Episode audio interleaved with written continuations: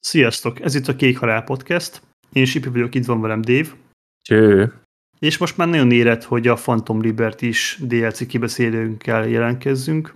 Nem is tudom, hogy ezt most ilyen ajánlónak vagy verditnek szálljuk ezt, szerintem inkább az utóbbinak. Annyit kell tudni, hogy én befejeztem egy sztori vonalat, Dave pedig, hát a döntési fák elején van, de egy nagyjából képben van azzal, hogy milyen befejezései vannak a játéknak, valamint szerintem most már ezzel a 100 plusz órával te is kb. így mindent láttál, amit lehetett, és most már nagyon-nagyon nem fog befolyásolni se negatív, se pozitív irányban az, hogy milyen befejezést fogsz választani. Ezért, hogyha nem is ilyen teljes verditet fogunk csinálni, de így ilyen szörmentén azért végigmennénk az általunk kitalált pontokon, és egy olyan struktúrában csinálnak ezt az adást is. Nem tudom, hogy így a pontok elkezdés előtt van-e valami, amire így még itt szeretnél térni? Hát szerintem csak ilyen side note így jó letisztázni az elején. Az előző Phoenix effektusos adásban már a 2.0-ra beszéltünk sokat. Nyilván azt nem szeretnénk feltétlenül átismételni, de mivel ez egy verdikt, így úgy gondoljuk, hogy azért érdemes lesz megemlíteni, nyilván nem fogunk annyira részletesen dolgokat átbeszélni, amiket már ott megtettünk, valamint az, hogy nem tudom, hogy erről már hányszor beszéltünk, de biztosan említettem már, hogy én amikor megjelent a játék, akkor ilyen 20 órát pakoltam bele, és most a 2.0-val indítottam egy teljesen új végigjátszást, egy teljesen új mentést, és akkor volt valami 18 óra valahány perc a GOG Galaxy-ban a játékidőnek feltüntetve, most pedig van 110 óra 46 perc, és jelenleg ott tartok a játékban, ahogy Sipi is mondta, hogy a Phantom Liberty-nél is már az ilyen endgame résznél tartok, és tudom, hogy milyen befejezései vannak a játéknak, meg az alapjátéknál is azon a ponton van a mentésem, hogy már minden meg van csinálva, tehát hogy az egész játékban az összes ilyen activity kész, csak a fő quest vonalnak a lezáró részei nincsenek meg, de végeztem egy ilyen kis kutatást, nyilván így lelőttem magamnak a spoilereket. Előre, viszont meg fogom csinálni az összes questet, tehát úgy van megcsinálva a játék, hogy lehetőséged van az összes befejezést megnézni egyetlen egy mentése, nem kell az egész játékot újra kezdeni, szóval szerintem kurva jó, és mindenkinek ajánlom, aki ezt esetleg nem tette meg, mert nagyon más befejezéseket lehet elérni, és rohadt sokféle van. Szóval kb. ennyit szerintem jó letisztázni így az elején. Nyilván spoilereket nem fogunk mondani, nem akarjuk lelőni nektek ezeket a, az élményeket, hanem inkább mindenki vegye elő, és tényleg nyomjon, mert kurva jó az a játék. Nagyon jó az az élmény szó, tényleg. Én sem tudtam volna szebben mondani, hogy baromi nagy élmény ez a DLC. De akkor kezdjük a grafikával. Én 2020 decemberében, amikor megjelent a játék, egy 1080-assal vártam neki abban az állapotban, ahogy megjelent, és biztos, hogy nem mondok újdonságot azzal, hogy kurva jól néz ki, csak nekem akkor annó ilyen médium beállításokkal ment 1080p-ben, most pedig felváltottam 1440p minden ultrára, és azért ég és föld a különbség abban a látványban, hogy mennyivel részletesebb, mennyivel szebb, HDR-ben, nagy felbontása, brutál, brutál gyönyörű. Két dolgot írtam fel magamnak a grafika terén. Egyik az, hogy több olyan jelenet volt a játékban, amikor így szépen lassan sétáltam a karakteremmel, és így szépen lassan húztam az egeret, és így néztem körbe a városban, meg a tájon, ahol épp jártam, és az pontosan ugyanaz, mint amikor a nagy rendezvényeken mutogatnak nekünk ilyen CGI, meg gameplay trailereket. Eszméletlenül kurvára jól néz ki ez a tudsz. Nem tudom, hogy ezt, ha 2020-ban ilyen körülmények között tudom játszani, akkor mennyire dobtam volna el tőle az agyamat, de 2023-ban még mindig eszméletlen. Szerintem, hogyha ez tényleg így ma jelent volna meg ezzel a grafikai fidelitással, hát senki nem mondta volna meg, hogy ez egy három vagy két és fél éves játék. Elképesztően gyönyörű. A másik, amire ki szerettem volna térni, hogy a karaktermodellek szerintem ilyen top tier nem tudom, hogy mik voltak azok a játékok, amik ezt a szintet tudták hozni. Biztos volt egy-kettő, de az biztos, hogy a top három legrészletesebb és legjobban kidolgozott karaktermodelleikvel rendelkezik ez a játék. És itt nem csak arról van szó, hogy az Ibris Elba, meg a Kineu Reeves, meg a főbb karaktereknek a modelljei vannak kidolgozva, hanem olyan sidequestekben, olyan névtelen karakterek, komolyan, hogy egy kocsiban ülve három percig beszélgetsz vele, és ott ültem a kocsiban, és néztem a modellt, hogy azt nem hiszem el, hogy ez így néz ki. Egy random, ilyen sidequestes NPC hatszor részletesebb, hatszor szebben van megcsinálva, mint a Starfield legjobb, legrisztesebb karaktere, ami szerintem így elképesztő. És ehhez még hozzátartozik az is, hogy ezeknek a karaktereknek a mozgása, a viselkedése, az utolsó ilyen szájelhúzás, a szemlebegtetés, minden egyes ilyen arcmimikai játékon látszik, hogy tényleg amit így story oldalról hozzá tudtak tenni, hogy segítsen a beleérésbe, motion capture, profi színészek alkalmazása, mindent a végre kihúztak le a kalappal. Van egy olyan jelenet, amikor az egyik DLC karakter így flörtöl veled, hát az valami elképesztő. Szerintem az ilyen iskola példával lehetne mutatni, hogy nagyon minimális beszélgetéssel, maximálisra tekerve a hangulatot, színészi játékkal, hogyan kell ezt frankon csinálni, az szerintem csillagos ötös. Nem tudom, hogy van-e valami hozzátenni való a grafikai részhez. Audióban te szoktál mindig jobban brillírozni, nekem az sosem volt ilyen erőssége. Igen, majd arra is ki fogunk mindjárt térni. Én is egyébként másik gépen nyomom nyilván, mint amikor megjelent a játék, és én is azt érzem, hogy ez iszonyatosan jól néz ki. Én bekapcsoltam a ray tracinget,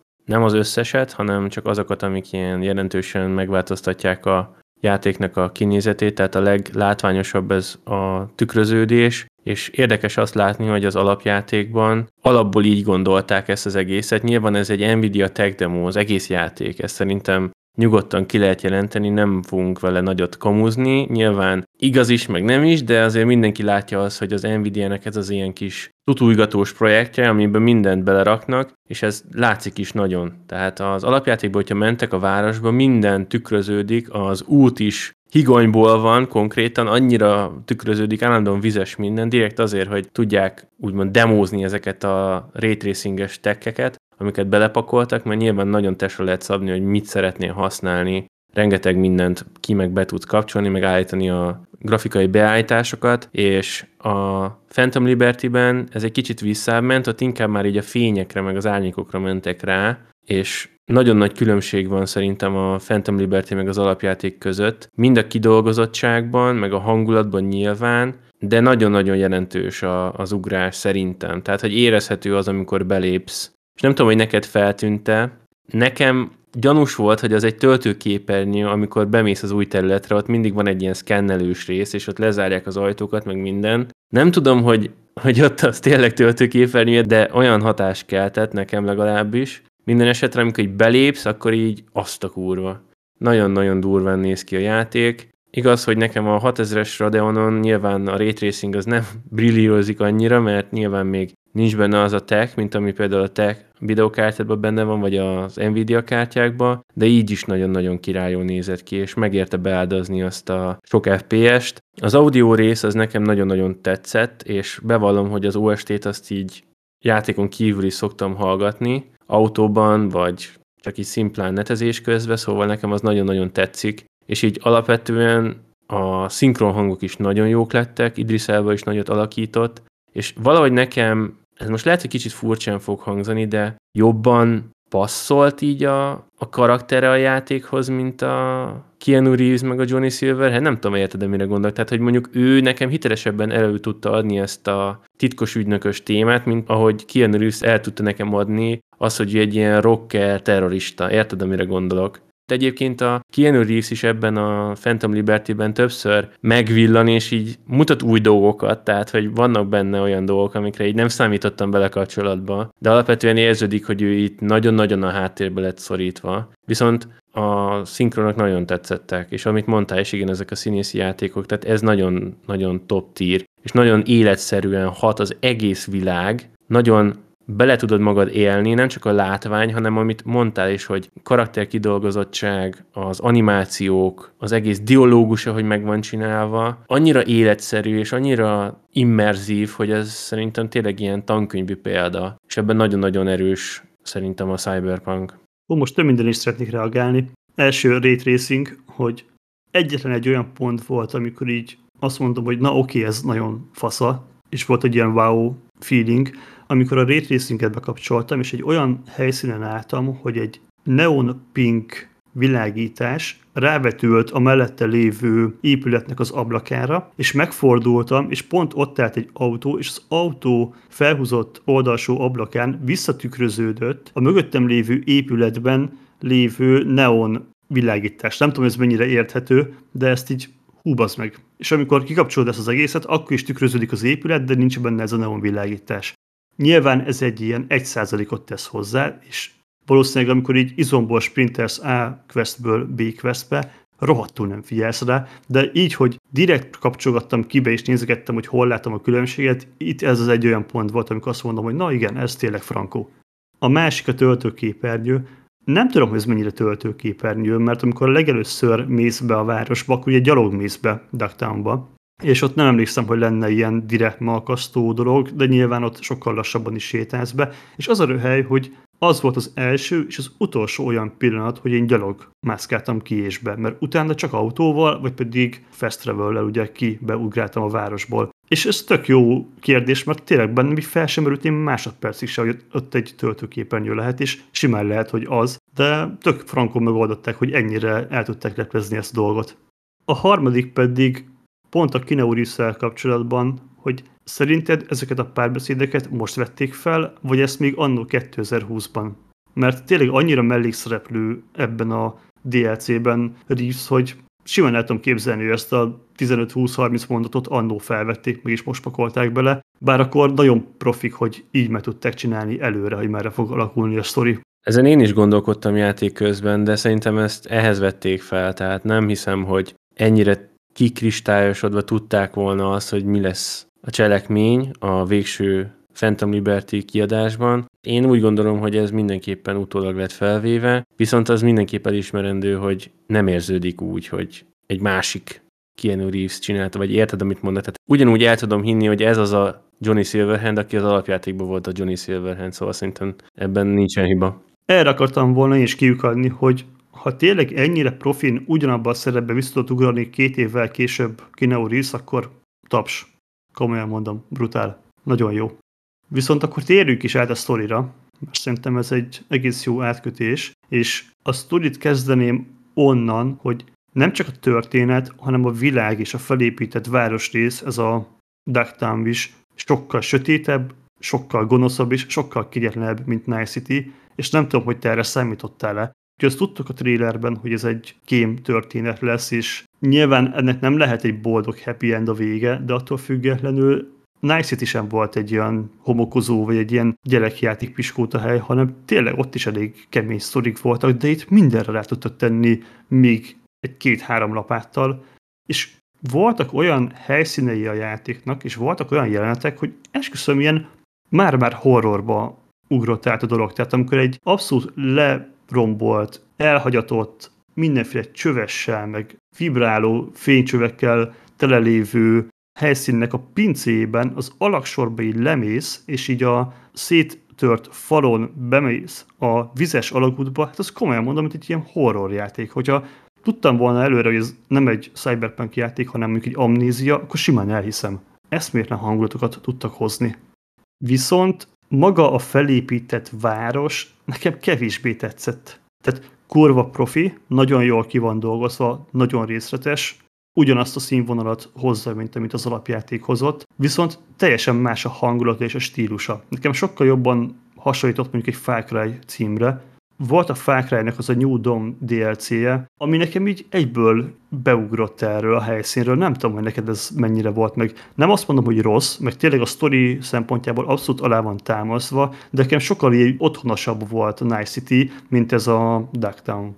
Amikor ezt mondtad először, akkor így értettem, hogy mire gondolsz, meg miért érzed ezt, de nekem nem ugrott volna be először magamtól maga ez az érzés, vagy ez a hasonlóság. Viszont azt szerintem kurva jó, hogy ha azt veszük, hogy maga ez a Dogtown, ez mekkora kicsike kis része a játéknak, tehát nem az van, hogy ilyen 20x20 kilométeres területet adtak hozzá, ahol lehet lófrálni, meg minden, amit így általában szoktak csinálni ilyen-olyan DLC-kben, hanem itt inkább azt mondom, hogy egy kis, apró hozzátoldás Night City-hez, ami vertikálisabb, tehát így több szinten tudsz mozogni szinte minden épületen belül, és sokkal részletesebben, zsúfoltabban van megcsinálva, és mégis egy ilyen kicsi területen 20-30 órát úgy el tudsz tölteni, hogy észre se veszed. És ez nagyon durva.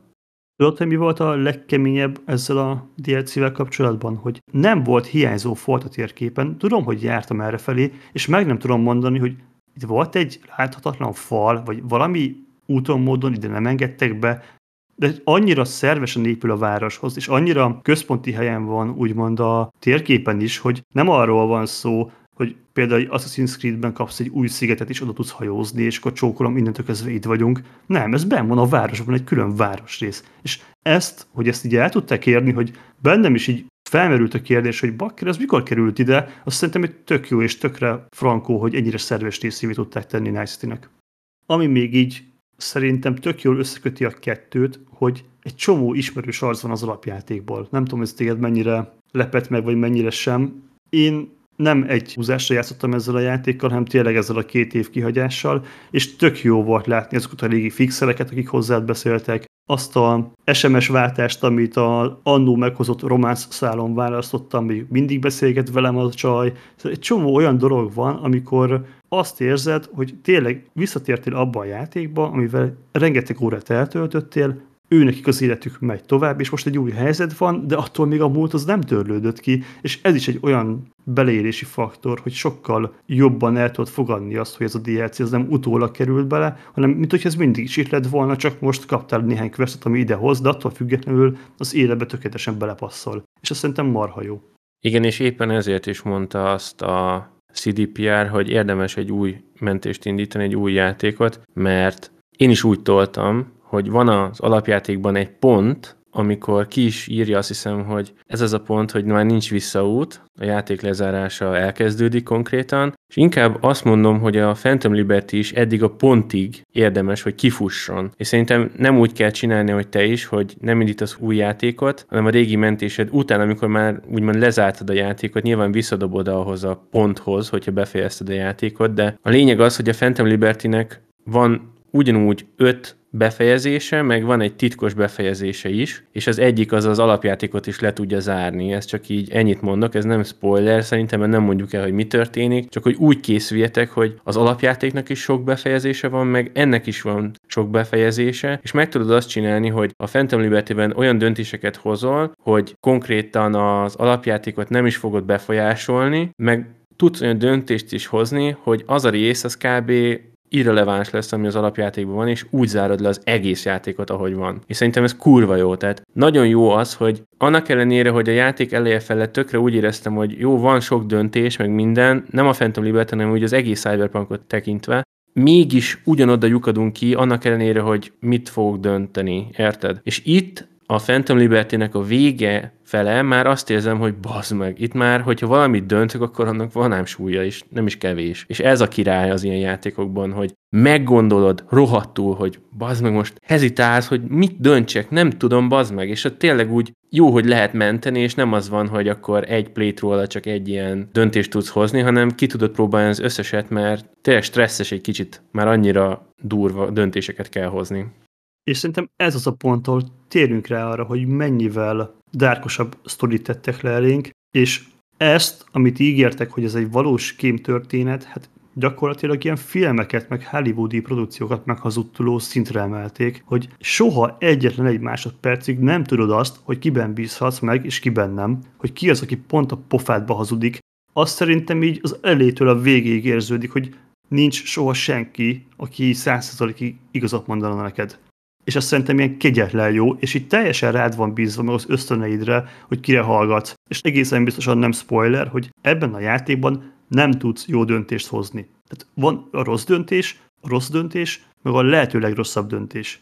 Gyakorlatilag nincs olyan út, hogy te most mindenkit megmentesz, mindenki boldog, és ez szerintem barmi jó, barmira passzol ehhez a világhoz és ehhez a DLC-hez, amit kitaláltak, és azok a színészek és azok a karakterek, akiket választottak mellé, ezt így a végtelenség segítik, és nagyon kicsúsítják erre, hogy soha egy másodpercig ne érezd magad biztonságban, soha ne legyen az, hogy azt tudod, hogy te befolyásolod a világot, és tényleg, hogyha meghozol egy döntést, annak lesz valós és maradandó következménye, csak hogy egy apróbb spoilert mondjak el, ami nekem így tökre tetszett, és ugye a játéknak a végéig megmarad. Nagyon-nagyon a DLC elején van egy quest, amit hogyha elcseszel, vagy lehet, hogy nem is cseszed el, hanem úgy döntesz, ahogy döntesz, akkor a végén a questadó NPC-t felakasztják egy viszonylag központi helyen Ducktownba, és lefejezik. És az az NPC karaktere ott fog lógni. És akárhányszor elmész azon a téren, ott fogod látni, hogy Basz meg, te így döntöttél, ezt a döntést hoztad meg, és ez lett a következménye. És ez egy ilyen tök jó figyelmeztető jel, meg egy ilyen szemed előtt lebegő felkiáltó jel, hogy igen, minden egyes meghozott döntésednek van valamilyen kihatása a világra, ami nem biztos, hogy jó lesz, és nem biztos, hogy az lesz, mint amit te eleve szerettél volna, de együtt kell vele élned. Szerintem ez kurva király. Igen, ezt egyébként én is szóba akartam hozni, mert ez tényleg egy ilyen sidequest, ami így nem kapcsolódik szorosan a történethez, és én is úgy döntöttem, hogy az lett a vége, hogy szerencsétlen így hát megmurdelt, és tényleg oda föllogatták, szóval ezt sajnáltam is, de megnéztem egyébként, hogy mi lett volna, hogyha máshogy döntök, és elvileg meg lehet menteni, és abban az esetben azt hiszem kaptál volna tőle egy ilyen ajándékot, ami egy AR, tehát egy gépkora B, ami ilyen iconic, mert a játékban van egy csomó olyan fegyver, ami iconicnak van feltüntetve, az kb. úgy képzeljétek el, hogy ilyen unique fegyver, tehát hogy van egy alap fegyvertípus, és annak az az Ultimate Legendary valamilyen extra módosítóval ellátott változata, amiből csak egy darab van, és az általában ilyen egyedi névvel rendelkezik, ezeket érdemes gyűjteni, ezeket lehet kitenni így a falra, hogyha beteszed a stashedbe, meg ilyesmi, és egy ilyet kaptál volna, és így bazd meg, így most nem kapom meg. És utána rájöttem, hogy van egy vendor Phantom Liberty-ben, ahol meg tudod venni egyébként. Tehát, hogyha úgy döntesz egy adott sztori vonalban, hogy nem fogsz kapni semmilyen rivardot, amit amúgy megkapnál, és pont egy ilyen iconic fegyverről van szó, akkor az később a játékban meg tudod venni egy vendornál. Igaz, hogy rohadt drága, de nem fogsz elesni ezektől. Szóval ez szerintem mindenképpen király, mert egyébként az alapjátékban volt egy pár olyan, meg itt is volt egy pár olyan dolog, amit így nem tudsz már elérni. Tehát mondok egy példát, hogyha elindítod magát a Phantom Liberty-t, akkor be kell osonnod a Dogtownba, és azon az útvonalon van egy perk shard, ami egy ilyen sárga képességpontot ad, és az el van dugva, de ott van a szemed előtt, csak nyilván nem veszed észre egyből, de ahhoz, hogy az összes elérhető 80 képességpontot megszerezd, ezt is fel kell venni. És hogyha ezt ott abban a pillanatban nem keresed meg, és nem tudod, hogy mit kell nézni, akkor az soha többet nem fogod tudni elérni. Csak akkor, hogyha teszel fel valamilyen modot, ilyen free fly vagy no clip, és akkor rá tudsz menni a falon, és akkor úgy szeded össze. De ezen kívül szerintem a játék több olyan lehetőséget nyújt, hogy ha valamiről lemaradtál, akkor azt be tudod így pótolni, mint például ez is, amit mondtam. Igen, és szerencsére ilyen itemekhez nem köt, ha jól tudom, achievementet. Attól nem kell tartani, hogy meg kell szerezni az összes iconic AR-t a játékban, mert ilyen achieve nincsen. Olyanok vannak, hogy szerezd az összes autót, azt meg bármikor meg tudod vásárolni, hogyha elegendő pénzed van. A sztori utolsó pontja, amit még így felírtam, hogy Nekem nagyon tetszett, hogy mennyire éresen ábrázolja egymás mellett a játék ezt a végtelen gazdagságot és a végtelen nyomort. Fent vagy egy toronyépület tetején, ahol a mahagóni asztalnál, nem tudom, az aranypohárból iszod a pesgőt, eszed a kaviárt, körülötted mindenki öltönyben van, meg szép ruhájában, csillogás, villogás, kiérsz az utcára, és ott van egy drogos, aki be van szívva előtted, vergődik az utcán, és a saját nyálában ott fetreng. Mellette meg ott kurva csóró autóval, ott is próbálnak valami élelmet szerezni kukákból. Nagyon kemény. Nekem ez nagyon tetszett, hogy ez ennyire kontrasztos. De szerintem ennyi a sztoriból elég is, és térjünk át a játékmenetre. A játékmenetnél nekem tökre meglepő volt, hogy milyen sokszor kiküld a játék Ducktownból, ami szerintem tök jó, mert tényleg én úgy játszottam vele, hogy nyilván két éve befejeztem a sztorit, és most kezdtem el egy teljesen új DLC-t, de nekem ez tök frankó volt, hogy egy csomószor kiküld, tehát hogyha most nekivágtak a játéknak úgy, hogy még az alapjátékot nem fejeztitek be, és az alapjátéknak van egy pontja, amikor lehetőségetek nyílik bemenni Darktownba, szerintem ne habozzatok, nyugodtan menjetek be. Egy csomó olyan pont van a DLC történetében, amikor azt mondja neked a játék, hogy akkor a main story nem tudsz haladni, hanem várjál két napot, várjál három napot, várj meg, hogy hív egy bizonyos karakter, és az mind arra van, hogy ez idő alatt te egész nyugodtan tudsz a sidequestekkel foglalkozni, hogyha vissza akarsz menni Night City-be, akkor menjél vissza. Szerintem ez ilyen tök frankó szervessé teszi, ez teljesen rendben van. Illetve nekem az új küldetésformák is szerintem így egytől egyik tetszettek. Ez a kocsilopós mechanika, ez ha jól tudom, nem volt benne az alapjátékban, ez szerintem tök frankó. Amikor a legelsőt megcsináltam, már akkor aggódtam rajta, hogy ó, bazd meg, most ebből lesz 10 darab, vagy 20 darab, és ugyanazt kell csinálnom, de nem, mert azt is sikerült egy ilyen két-három-négy félrel különböző módon megbonyolítani, tehát valamikor egy kocsit időre kell elvinned A-ból B-be, valamikor le kell rázod a tégedüldözőket, van, amikor le kell lövöldözni mindenkit, aki megpróbál megállítani. Tehát azt is kicsit így próbálták megfűszerezni, hogy ne legyen unalmas, ami nagyon tetszik. Van egy új questadó fixer a játékban, akinek a személye szerintem tök izgalmas. Én simán el tudom képzelni, hogy akár a jövőben neki nagyobb szerepe is lehet, bár azt nem tudjuk, hogy a következő Cyberpunk játék az mennyivel fog ezután játszódni, de nekem az tökre jó volt, és az is, hogy milyen rivaldot adott a legvégén, amikor megcsináltál mindent, amit ő kért tőled. Az autós lövöldözés, ami bekerült frissként a játékban, alapvetően barmira tetszett. Az is, hogy tudtál váltogatni fegyverek között, és tökre jó, hogy tudsz már vásárolni olyan autót, ami eleve különböző fegyverekkel, rakétákkal, golyószórokkal van felfegyverezve, és ezzel vissza tudsz menni az alapjátékba, ott megcsinálni különböző questeket, ami nem tudom, milyen könnyítés is lehet akár, hogyha úgy gondolod. Ellenben itt sajnos, amit elmondtunk a korábbi adásokban is, hogy ez az autózás mechanika, hát ez nem a legszuperebb, amit valaha open world játék csinált, mert szerintem a GTA-nak is jobb autózós mechanikája volt ennél. Nagyon csúszkának az autók, nagyon nem egyértelmű, az AI egy ostoba fasz, nem egyszer volt az, hogy 2 cm-rel közelebb értem a útpatkához, mint kellett volna, és elém ugrott a kibaszott elő az kocsi mellé. Nyilván ezt nem szabad, mert akkor jönnek a rendőrök. Csomószor van az, hogy elit húzza egy karakter a kormányt, és akkor neki mész. Szóval ez olyan visszás, mert tényleg az alaprendszer hülyeségei miatt ez a autókázás nem a legfaszább, de maga az, hogy tudsz lövöldözni autókkal, és az mennyit dob a játékmeten, szerintem az nagyon frankó. Illetve, hogy bekerült egy ilyen, hát nem is tudom, minek hívja a játék, ilyen események, vagy nem tudom milyen menüpont, ahol ilyen kisebb Word minibosszok várnak rád, amivel így ki tudod próbálni a saját builderet, hogy mennyire vagy erős. Talán ezek azok az ilyen főbb újítások, nyilván a sztori mellett, ami így játékmenet oldalára bekerült, és így érdemes megemlíteni. Nem tudom, hogy kiadtam-e valamit. Nem, szerintem jól összefoglaltad. Egyébként majd így a kocsis részről majd beszélünk, mert én összeírtam pár olyan bagot, ami nálad nem annyira jött elő, de erre majd később beszélünk, viszont tényleg erre az autókázásra én is szeretnék reflektálni annyival, hogy a legtöbb autó tényleg annyira botrányosan szarul vezethető, mint hogyha jégen mennél kb. Ahhoz tudom a legjobban hasonlítani, és kipróbáltam rengeteget, kb. egy-kettő van, amit így szeretek használni, mert azokkal lehet normálisan menni. Viszont az tényleg, hogy a legtöbb esetben körözés alatt voltam, miközben autókáztam, mert rengeteget vezettem, mert ahogy mondtam is már korábban, nem tudom melyik adásban is, hogy nagyon ritkán használtam a Fast travel mert annyira királya az egész város, annyira jól meg van csinálva, annyira élvezetes benne menni, mert annyira élőnek hat, hogy tényleg rengeteget vezettem, és állandóan az volt, hogy köröztek a rendőrök, üldöztek már minden picsa dologért, mert kiugrálnak elém ugyanúgy a gyalogosok, amit te is mondtál. Tehát, hogyha ott vagy a járdán, és közelmész a járdához az autóval, mert ilyen szűk helyen van az egész,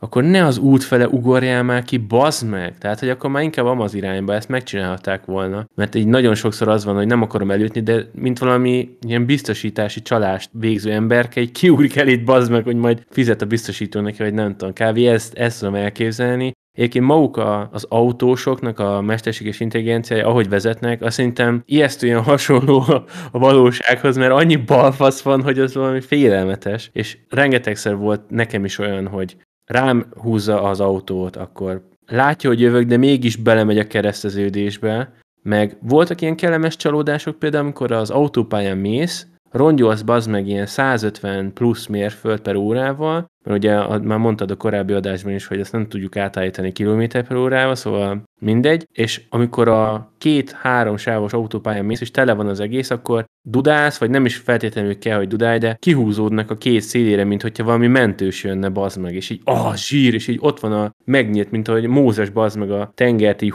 így szétnyitotta, na ezek is így megnyílnak, és akkor na, usgyi. És ez kurva jó, hogy ezt így kitalálták, mert amúgy tényleg idegesítő, hogy a másik oldalra nem tudsz átmenni, mert ott van az a betonkorlát, és amúgy meg ugye mennél, haladnál, és így tök jó, hogy így csinálnak neked úgymond helyet, szóval ez, ez viszont pluszpont. De alapvetően nekem is, hát meggyűlt a bajom a vezetéssel több esetben.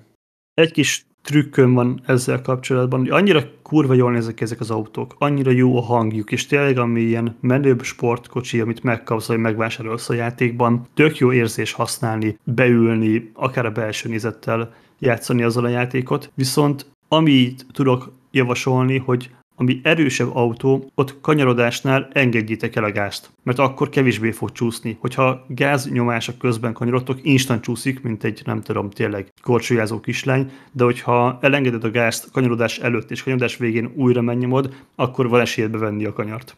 Tényleg így erre jöttem rá. Gyengébb autóknál szerintem nincsen probléma, az nem csúszik meg annyira, vagy nem hajlamos annyira megcsúszni, cserébe sokkal lomhábbak.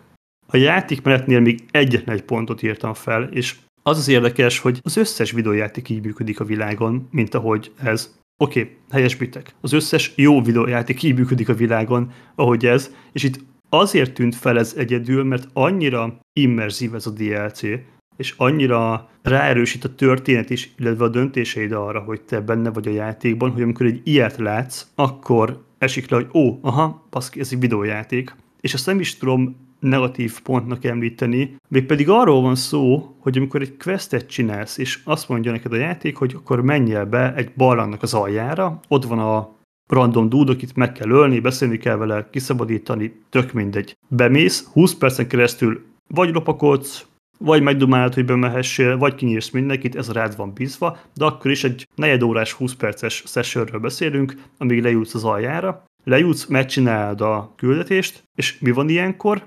Hát vagy az, hogy visszasétálsz az elejére, amit az esetek 99%-ában nem kell megcsináljál, mert ekkor észreveszi a karaktered, hogy a fő embernek a szobájában van egy kiárat a külvilágra. Hát bazd meg, miért nem itt jöttünk be? Nyilván ezt azért csinálja a játék, mert ezzel időt akar neked spórolni, hogy ne kelljen visszagyalogolnod 20 percnyit, hanem tessék egy másodpercen belül kint vagy, és nem akarta azt mondani, hogy oké, akkor teleport a főbejárathoz, hanem megoldották így. De ez az a pont, ahol így kicsit így megtörik ez az immerzió, és oké, ez nem valóság, ez a videójáték. És tényleg ezt nem tudom én hibának felróni, hanem csak azért mondtam, mert tényleg itt látszik az, hogy ez egy videójáték, de még ez is tetszik benne. Igen, de most gondolj abba bele, hogy ha nem így csinálnák, hanem vissza kéne állandóan sétálnod az egész adott pályán, ahol kellett a questet csinálni, akkor meg az lenne a gond. Szóval szerintem ezzel nincsen feltétlenül semmi baj. Ha már játékmenet, te megint rápörögtél ezekre a buildekre, és már említettük korábban, hogy volt egy ilyen build tervező weboldal, ahol meg tudtad nézni, hogy hogyan kell elosztani a pontokat. Személy szerint én amit örököltem saját magamtól az alapjátékból, ugyanazt vittem tovább. Ugye a játék úgy kezdődik, hogy az összes sárga pontot azt letörölte, kinullázta, megmaradt, csak újra kellett osztani őket, és a kék tulajdonságpontok pedig megmaradtak teljesen azon a szinten, ami korábban volt így álltam neki a játéknak, azokat sem nulláztam le. Annyit tudni kell, hogy egy darab ingyenes lehetőséget ad a játék arra, hogy a kék pontokat is teljesen tudod nullázni, újra tudod osztani. Ekkor tök jó segítség, amit korábban említettünk, ez az online build tervező weboldal. Személy szerint a játéknak a zömében én a lapokodás, illetve a karddal való kaszabolás mellett döntöttem, illetve amit tudtam, azt próbáltam így meggyőzéssel vagy rábeszéléssel megoldani, és pont ezért ilyen szinten mentem el a pontokkal is. Viszont el tudom, hogy merőben mást választottál, és ezért jó ez a játék, mert rohadt csak lehetőség van benne. Mesélj kicsit róla, te hogyan nyomtad?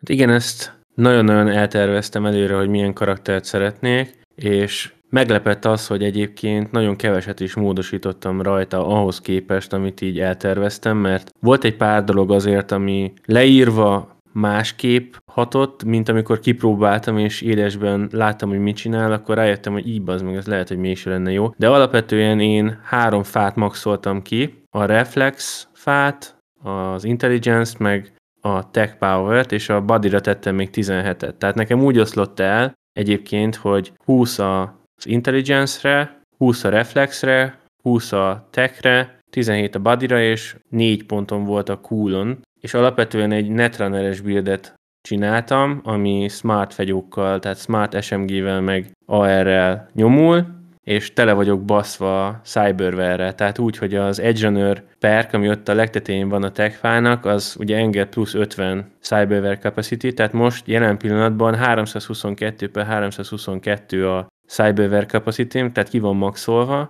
és az armoron meg ilyen 1264 vagy mennyi, vagy rohadt magos, tehát hogy majdnem maxon van mind a kettő, és nagyon brutális. Tehát, hogy olyan rohadt erős, hogy esküszöm neked, hogy volt olyan, hogy nem használtam a hekkeket, mert a hekkekkel, amiket így használhatsz kombaton kívül is, úgy meg tudom ölni az egész bázist, baszki, hogy senki nem tudja, hogy hol vagyok, hogyha jó sorrendben nyomod el, akkor nincs ilyen tracking, tehát nem tudnak bemérni se, és ki tudok úgy nyírni mindenkit, hogy egyszerűen nem veszik észre, hogy ott vagyok és többször ilyen, hát így kicsit kizökkentett az immerzióból, hogy ott áll két faszi egymás mellett, az egyiket kinyírom ilyen hekkel, és szörnyhalált hal szegény, és a másik meg ott áll, azt így, hm, ennek meg mi a faszom baja van, és így nem csinál semmit. Tehát, hogy így az annyira nem nézett ki jól, de a lényeg az, hogy sokszor nem is használtam már ezeket, mert annyira easy volt így a játék. Sokszor csak bementem, beugrottam, aztán lőttem mindenkit, ahogy csak értem, mert sokkal élvezetesebb volt, mint az, hogy két gombot megnyomok, és meghal egy ember. Tehát, hogy annyira OP lett ez a build. Szóval, ha szeretnétek ilyen kibaszott, durva buildet, akkor majd beteszem a leírásba, és megnézhetitek ti is, hogy én mivel nyomom, mert baromi erős. És tényleg, ahogy mondtad is, rengeteg buildet ki lehet hozni a játékból. Nagyon nagy szerepet kap egyébként a melee is, rengeteg olyan item, meg cyberware van, ami a mélére megy rá, közelharcra, és bevallom nektek, hogy gondolkodtam azon, hogy egy ilyen Sandevistanos buildet összerakok, ahol tényleg én is katonával nyomulok, mert az nekem is rohadtul tetszik, és ah, maga a feeling az nagyon ott van. És majd lehet, hogy egyébként sor fog erre kerülni, de a játékot mindenképpen be fogom fejezni még a jelenlegi buildem, és majd utána kezdek el bohóckodni. Egyébként így zárójelben megteszem, hogy igen, egyszer lehet ezeket az attribútumokat, a kéket, a főbb attribútumokat reszetelni, viszont ha minden igaz, akkor van olyan mod, amivel ezt ki tudod játszani, és akárhányszor meg lehet csinálni. A sárga ilyen képességpontokat, amik így az alap talentfában eloszhatóak, azok azt hiszem akárhányszor újraoszthatók, szóval ilyen téren szerintem van mozgási lehetőség, attól függően, hogy mennyi energiát akarsz ráfordítani, tehát mondom, moddal akárhányszor tudod próbálgatni, viszont érdemes ezt a buildert használni, mert legalább egy ilyen alap fő vonalat kitűzni magadnak, az mindenképpen hasznos, aztán majd menet közben úgyis alakítgatsz rajta.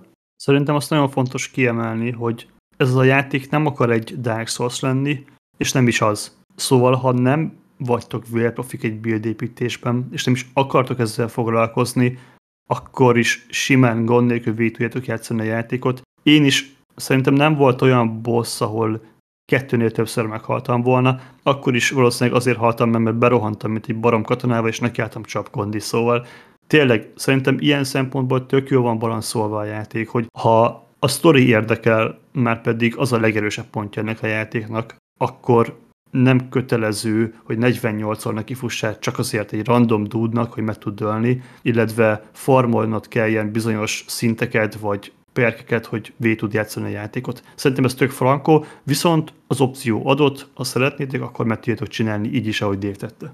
Nagyon durva egyébként, hogy mondod, hogy meghaltál. Tudod, hogy én hogy haltam meg? Én úgy haltam meg, hogy állandóan leestem valahonnan, mert balfasz voltam. De egyébként így a mobok ellen szerintem egyszer nem haltam meg, még a közelébe se kerültem, szóval nagyon durva. Nekem olyan visszatöltéseim voltak, hogy be akartam lapakodni valahova, és észrevettek. És azt töltöttem vissza, hogy ó, bazd ne vegyetek észre. De amúgy tényleg nagyon-nagyon ritkán volt ilyen. Na de szerintem ennyi lenne így a játékmenetes szekció, és így átkötnék ezzel a legutóbbi dologgal, amit mondtál, mi szerint észrevesznek az enemik téged, és úgy haltál meg. Nekem volt olyan bug, többször is, hogy falon keresztül szúrtak ki, tehát úgy, hogy nem tudom, hogy mi történt, mert nem volt line of sight, tehát ilyen két-három szobával arrébb lettem felfedezve, és nem volt kamera sehol, direkt megnéztem. És visszatöltem a F9-el a gyorsmentést, és készültségi állapotban vannak ott az enemik.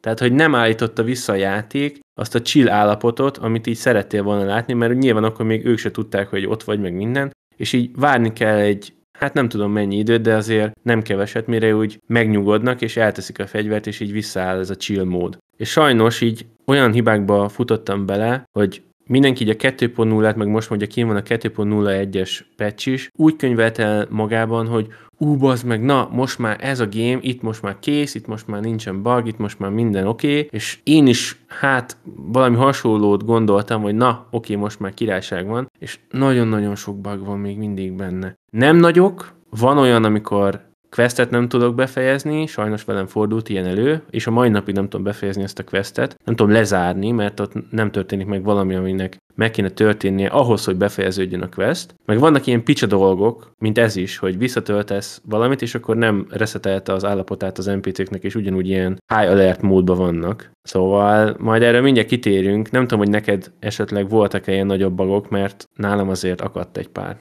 Gyors még reflektálok arra, hogy valószínűleg ez ilyen build különbség kettőnk között, hogy nekem eleve lopakodásra volt egy csomó perk rányomva, és amikor ez a piros kocka kezdett el betelítődni, ugye legelőször sárga, amikor is sejtenek valamit, piros, amikor már konkrétan látnak. És nekem a piros kocka az én bildemmel gyakorlatilag ilyen 5 vagy 6 másodperc folyamatos szemkontaktus kellett ahhoz, hogy betelítődjön, és akkor kezdtek el lőni. Szóval nekem egyetlen egyszer nem volt ilyen, amit te mondtál. Olyan, hogy falon keresztül észrevettek, meg kvázi tényleg nem volt ilyen. Csomószor azért kellett visszatöltem a lopakodásnál, mert elbíztam magam, hogy nyílt egyenes folyosón keresztbe át akartam menni, két balfasz előtt, mert mondom, abban az öt másodpercben én Google-va átérek, és úgyse fog betelítődni ez a piros kocka, tudod. Szóval ilyeneket azért nem szabad csinálni ebben a játékban sem, de nagyon meg tudod könnyíteni saját magadnak, pláne van egy olyan perk is, csak is zárójelben mondom, hogyha észrevettek, még abból is ki tudsz ugrani, láthatatlanná tudsz válni. Szóval lehet, hogy én emiatt tapasztaltam teljesen másokat, viszont Ennél a bagos résznél te sokkal többet fogsz tudni beszélni, mert én gyakorlatilag teljesen más tapasztaltam, mint te. Amikor 2.0 megérkezett, akkor nyomtunk jó néhány benchmarkot, és a benchmarkból, amikor megpróbáltam kilépni a főmenübe, akkor fixen 10-ből 10-szer kifolyott, kikresselt a játék, azóta egyetlen egyszer sem. Tehát bugokkal én gyakorlatilag ilyen nagyon-nagyon minimálissal találkoztam, és azok is olyanok voltak, hogy ami minden más játékban is benne van. Egyetlen egy darab olyan volt, amire te hívtad fel a figyelmemet, miszerint a 2.0.1-es patchnél, hogyha a gorilla kar van betéve mint kiberver a karakterednek, akkor hiába van felhúzva a szintje, az visszadobta tír egyre. Ez a Dave-nél és nálam is előfordult, de ezen kívül gyakorlatilag tényleg így nem tudok visszaemlékezni, hogy milyen bug volt a játékban. De még olyan szinten se, hogy ami az alapjátéknál probléma volt, a T-puszban álló NPC-k, stb. Nyilván említettük korábban ezt, hogy kiúrik eléd a járók az utcán, de ezt nem tudom, hogy bugnak mondom -e, ez AI baromság. De ezt sem tartom bugnak. Tehát tényleg gyakorlatilag ilyen minimális az, és esküszöm nem tudok visszaemlékezni egyre sem, amit így fel tudnék hozni, de tudom, hogy te sokkal rosszabbul jártál, szóval mesélj, mikbe futottál még bele? Egyébként így egy dolog még így eszembe jutott, amit elfejtettem mondani. Nyilván itt a Phantom Liberty-vel bejött ez az új talentfa, ez a Relic Tree. Abban van benne az, amit te mondtál, hogy kombatban ki tudsz menni láthatatlan módba, és akkor elvesztenek, meg minden. Na és Nyilván ez tök jó jön, de alapból az a bug, amit én mondtam, az úgy történt, hogy így a semmiből full alert, tehát hogy nem is volt az, amit te mondtál, hogy töltődik az a kis ilyen észlelő csík, vagy észlelő ikon, hanem így egyből durra semmiből, mint hogyha így pofán ütöttek volna egy baseballütővel olyan hirtelen, és így mondom, micsoda, és hiába nyomod akkor már, mert akkor ugyanúgy ilyen high alert van mindenhol, érted, és így az egész questnek annyi. Egyébként így erről Relic Fáról nem hiába nem beszéltünk, mert hát szerintem nem sok mindent tesz hozzá a játékhoz, és ahogy így belet lengetve, én sokkal többet vártam tőle, majd erre reflektál nyugodtan, de én nem éreztem azt, hogy ennek nagyon sok plusz hatása van, inkább csak ilyen nagyon-nagyon pici kis apróságokat adott hozzá, amit így észre se veszel. Meg az egész talentfát ki tudod oldani, 6 pontot megkapsz questekből, meg 9-et meg kell találnod a mappon, és akkor ki van rakva az egész. Tehát, hogy így semmi ördöngőség nincs benne, szerintem ez egy kicsit csalódás. Na de nekem rengeteg olyan volt, hogy nem tudtam autót hívni. Sétálok, és fehér a kis ikon, tehát hogy aktív, tehát tudnék ott autót hívni, mert amikor olyan helyen vagy, ahol nem engedi a játék, az jelzi neked, hogy pirossal van jelölve, hiába nyomkod, nem csinál semmit. Oké. Okay. De itt ki tudom még az autókat is választani, hogy mit szeretnék, viszont nem küldi az autót. Meg az autó az azt a kurva. Annyi ilyen fasság volt ezzel kapcsolatban az autókkal. Látszik, hogy ez a Red engine valami ezzel a mount rendszerrel, ami ugye volt a Witcher 3 is a rócsa, hogy tele vannak ilyen ezzel kapcsolatos mémekkel a Reddit fórumok, meg minden, és egyébként a Szabó Dávid, akivel csináltuk a játékfejlesztős adást, ő mesélte, hogy volt kint Lengyelországban, és van egy ilyen easter egg, hogy a Rócs, aki ugye a játékban is mindig a háztetőn spónolt, ott van az egyik háztetőre megcsinálva a CDPR irodánál, tehát hogy így még nekik is van egy ilyen kis önreflexiójuk, meg így poénnak veszik fel az egészet, és itt is voltak olyanok, hogy például hívtam az autót, és az autó így a semmiből így föl löködött így a levegőbe, de ilyen kurva magasra, ilyen 100 plusz méterre, írta, hogy milyen messzire van, és utána ráesett egy gyalogosra, és elkezdtek lőni a rendőrök, mint hogyha én tehetnék arról, basz meg, hát mi a fasz? És így, ezt tudod, erről küldtem is ilyen kis klippet, és inaktív a telefon, nem tudom hívni az NPC-ket, inaktív a fast travel, ez is többször előfordult, és ezeket a hibákat, hogyha esetleg ti találkoztok hasonlókkal, hogy nem tudtok autót hívni, nem tudtok telefonálni, vagy SMS küldeni, üzenetet küldeni az NPC PC-knek, vagy a Fast Travel terminál nem működik, akkor azt kell csinálni, hogy F5, F9. Nem kell kilépni a játékból, se a fülmenübe, se teljesen, mert az nagyon sok idő, mire visszalépsz, hanem csak újra kell tölteni, és F5, F9, ez gyors mentés, gyors visszatöltés, és akkor ugyanott vagy, ez egy, mit tudom én, 10-15 másodperc jobb gépeken, és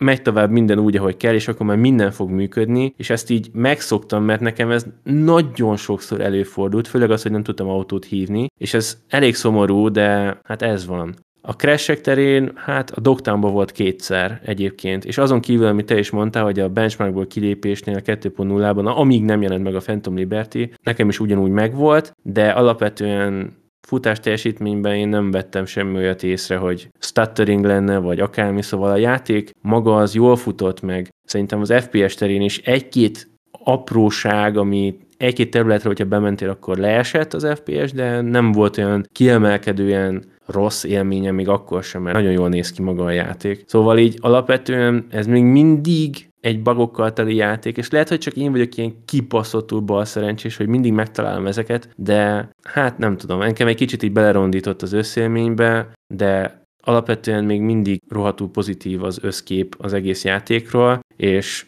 egyáltalán nem bánom, hogy ennyi időt belöltem, mert hogyha ez tényleg így jelent volna meg alapból, és nem tudom, hogy ennyi mindenen keresztül megy, akkor én azt mondom, hogy ez, ez Game of the Year. Ez biztos. Az autókkal kapcsolatban még annyit mondanék, hogy nekem a legdurvább eset, ami az autóval előfordult, az az volt, hogy hívtam az autót, nekem százból százszor jött, és nagyon sok autót hívtam, mert én megcsináltam ezt a vedd meg az összes autót, achievementet, és mivel megvettem őket, ezért ki is próbáltam őket, és akartam mindig menni, hogy melyik milyen. Nagyon sokat autóztam, mindig jött. A legdurvább az volt, hogy egyszer el kellett sétálnom 75 méterre, mert egy közlekedési baleset volt tőlem 75 méterre, és abban a sávban, ahol jönnie kellett volna, ugye oda spawnolt le az autó, pont a baleset mögé, és nem tudta kikerülni őket, mert ostoba az éjjel, és nem kerül ki, ezért nekem kellett oda sétálnom. Tehát ez volt a legdurvább, ami az autóhívásnál nekem előfordult, és szerintem ezt sem tudom bugnak sorolni, hanem az AI így működött, a kettő feltétel kioltotta egymást.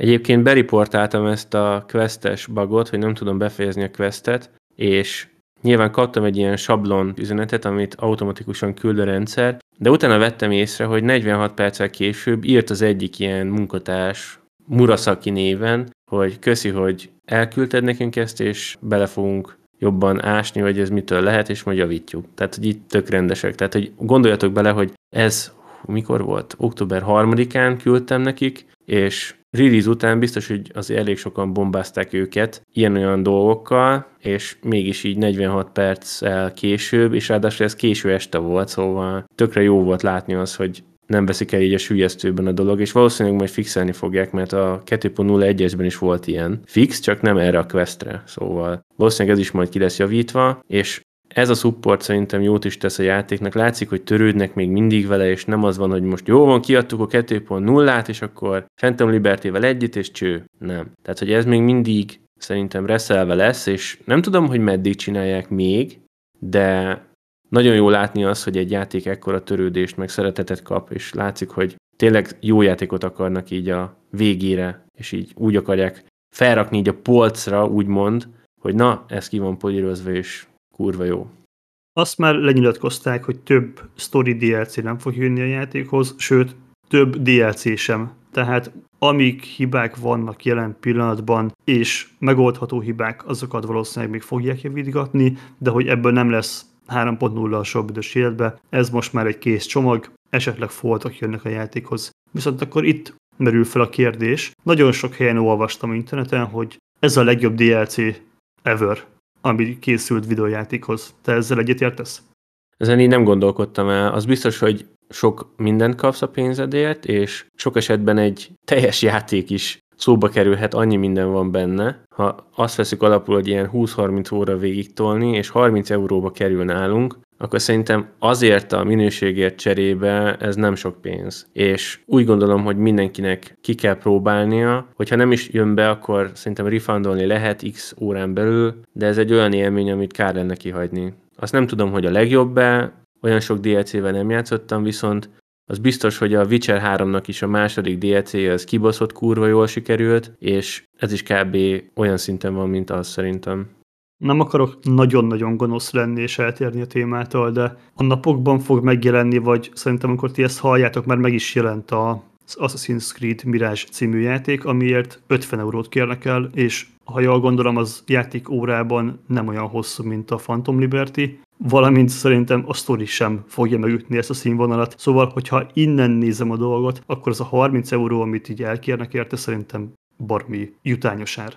Zárásként igazából még annyit szerettem volna, hogy Twitter pont a felvételünk előtt kicsivel került ki néhány olyan poszt, miszerint a Cyberpunkból elment 25 millió példány, valamint a Phantom Liberty-ből 3 milliót adtak el, ami szerintem tök érdekes statisztika, és tök jó látni, hogy a 1.0-ás refoundos időszak óta azért ez a 25 millió szerintem abszolút sikernek tekinthető, és már most tudjuk, hogy készül Orion kódnév alatt a folytatás, hát hogy az mikor fog elkészülni, az a távoli jövőnek a zenéje, de ezek után, és szerintem ahogy kinéz most a játék, és amilyen véleményel vagyunk róla, mind a kettőnk nevébe tudom mondani, hogy nagyon-nagyon várjuk a folytatást. Igen, igen, ebben egyetértek, viszont azt nem tudom, nem akarok ilyen rossz májú lenni, de az, aki refundolt és újra megvette, az most kettőnek számít, tehát nem tudom, hogy ez hogy van, de nem akarom ellopni a dicsőséget tőlük, mert tényleg le a kalappal, hogy mennyi mindent csináltak így a játékkal kapcsolatban, és hogy kipufozták, meg minden, de lehet, hogy ezeket a számokat azért a Phantom Liberty számok azok valószínűleg nyilván friss adatok, meg azok tök jók, meg minden, de az a 25 millió, azt nem tudom, hogy lett kiszámolva. Hogyha levonsz belőle 5 milliót, akkor is baromi jó szerintem.